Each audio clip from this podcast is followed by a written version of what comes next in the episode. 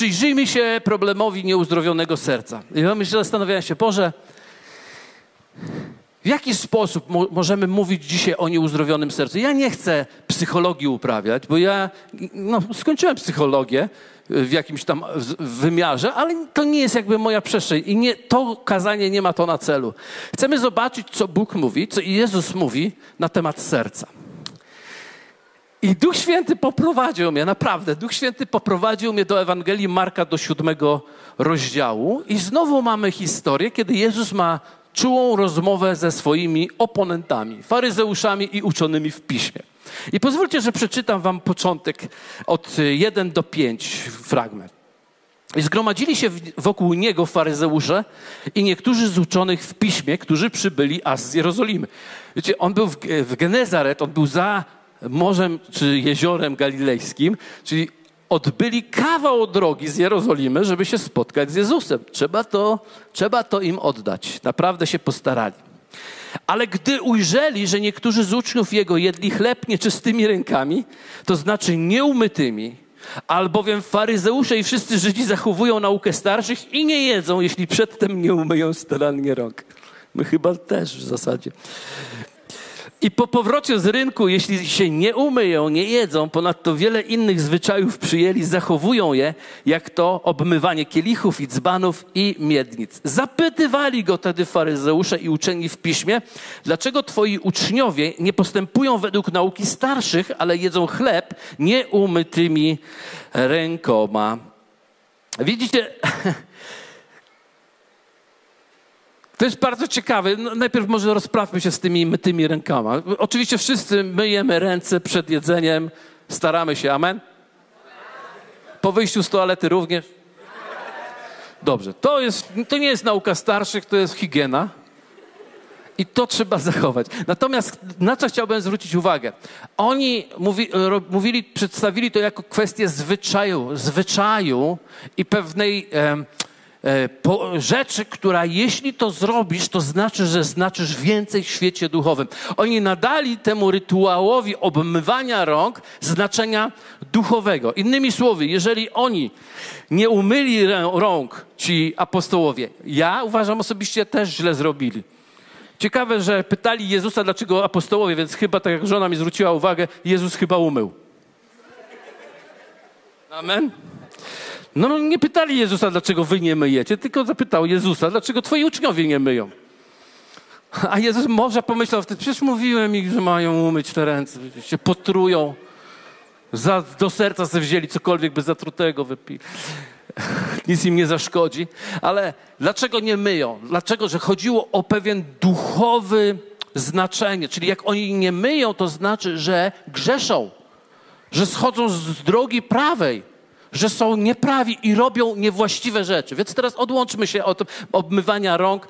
Myślę, że to może być każda z rzeczy, nawet dobra, którą warto czasem zrobić, ale nagle pojawia się ktoś w Twoim życiu, który nadaje sobie prawo, żeby Ciebie trochę wyprostować.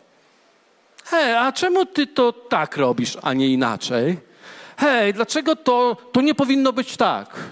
To powinno być zupełnie inaczej. Faryzeusze mieli i uczeni w piśmie taką tendencję, że oni się gromadzili i dyskutowali, jak lud powinien, a nie robi jak powinien, bo oni uważają, że oni tak powinni i w związku z tym czuli się trochę lepiej, bo oni obmywali te ręce, a ten lud nie obmywał tych rąk, więc oni się czuli bardziej pobożni i bardziej w Boży sposób. Zaraz zobaczycie, jaki jest podstawowy problem tych faryzeuszy, to zrozumiemy, skąd ta tendencja poszukiwania problemu u innych ponieważ każdy zraniony będzie ranił. Każdy, kto będzie miał problemy, będzie szukał innych problemów, żeby swoje problemy przykryć. Dlatego, kiedy Jezus usłyszał takie pytanie, no w zasadzie no nie groźne, no dlaczego nie myją rąk? No to Jezus im odpowiedział. Pozwólcie, że przeczytam wam odpowiedź. Mateusz, Marek 7, 6 do 8. Odpowiedział im w następujący sposób. On zaś rzekł im, dobrze Izajasz prorokował o was, o błudnikach, jak napisano. Lud ten czci mnie wargami, ale serce ich daleko jest ode mnie. Daremnie mi jednak cześć oddają, głosząc nauki, które są nakazami ludzkimi, przykazania Boże zaniedbujecie, a ludzkiej nauki się trzymacie. No, myślę, że nikt nie chciałby brać udziału w takiej rozmowie e, i być po stronie zainteresowanego, dlaczego w tym kościele nie robi się tak albo inaczej. I usłyszeć, ty, dobrze Izajasz o tobie mówił o budniku. Czcisz mnie wargami, a twoje co? I nagle Jezus, wiecie, problem z Jezusem mieli taki, że Jezus miał dar wiedzy. On wiedział, co siedzi w człowieku. I dlatego powiedział, wargami mnie czcicie, ale serce wasze ma problem. Serce naprawdę jest daleko ode mnie. To, co zewnętrzne, chcecie światu udowodnić, że jesteście bliżej niż inni, ale ja znam wasze wnętrze, dlatego jesteście obłudnicy. Obłudnik to ktoś, kto mówi jedno, a robi drugie. Oddają Bogu cześć, ale zaniedbują Boże prawo i wprowadzają ludzkie nauki. Zatem ciekawe jest to, że gdzie się pojawia problem z sercem, tam się pojawiają nauki i przekonania, które nie są Boże w ogóle. Tam się pojawiają niewłaściwe postawy. Wiecie, do tej pory, ja myślę, że Jezus podróżował z tymi uczniami, wiele ludzi podróżowało, oni wcześniej jedli chleb rozmnożony, na mało tego, oni roznosili chleb, ci apostołowie i, i nikt nie miał problemu, że oni nie obmyli rąk, aż w końcu pojawił się ktoś, kto ten problem ma. To jest trochę tak, jak u nas. U nas nigdy nie zadano pytania, czy kobieta może nauczać, bo my nigdy tego problemu nie mieliśmy. Nagle zaczęły się pojawiać osoby, które mówią, a dlaczego u was kobiety? Bo u nas kobiety to ludzie.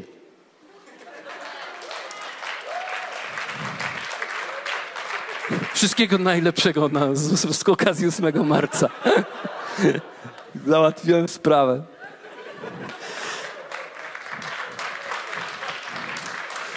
Spójrzmy dalej, popatrzcie.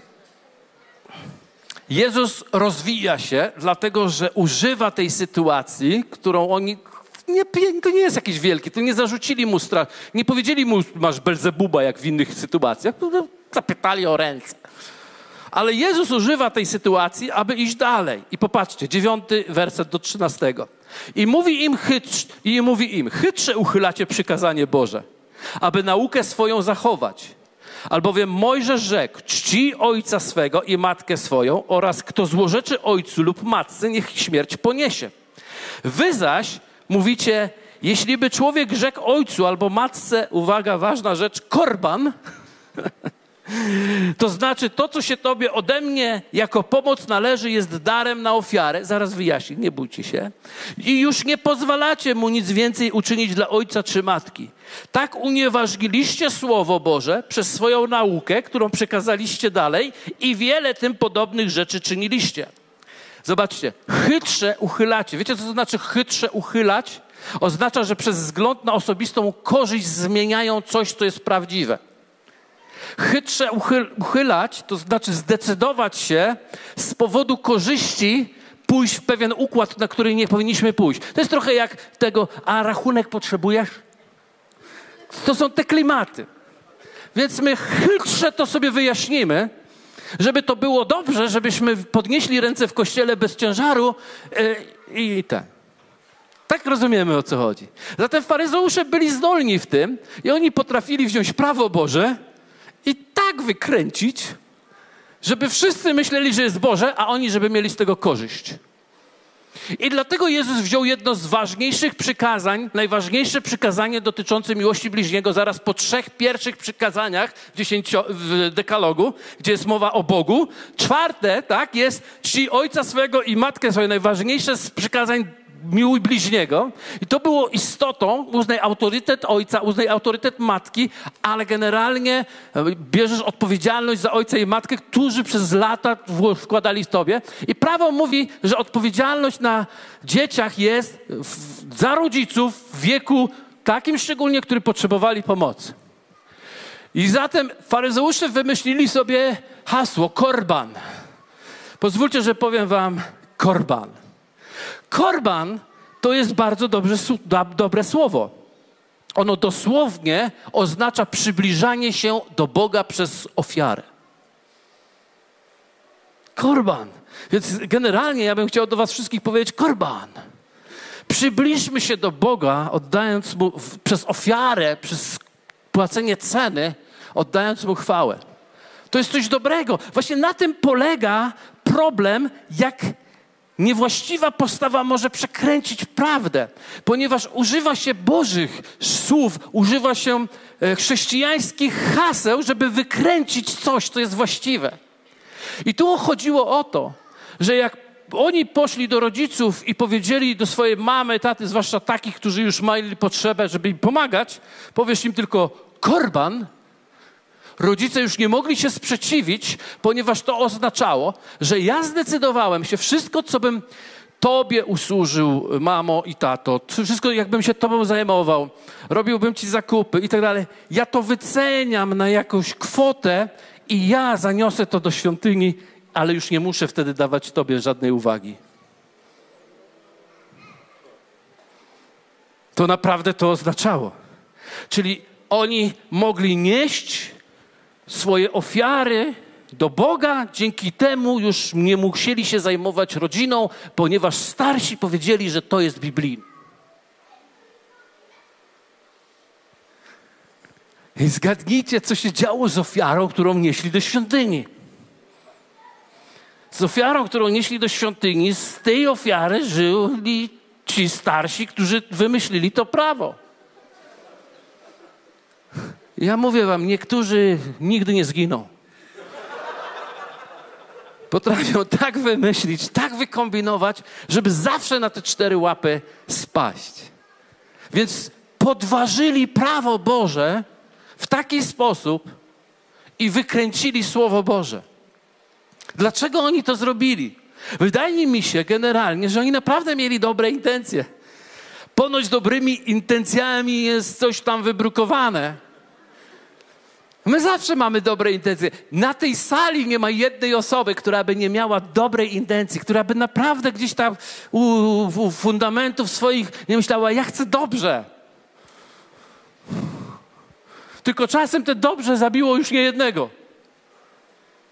I podobnie było z faryzeuszami. Oni chcieli dobrze, a wyszło źle. Dlaczego? Dlaczego?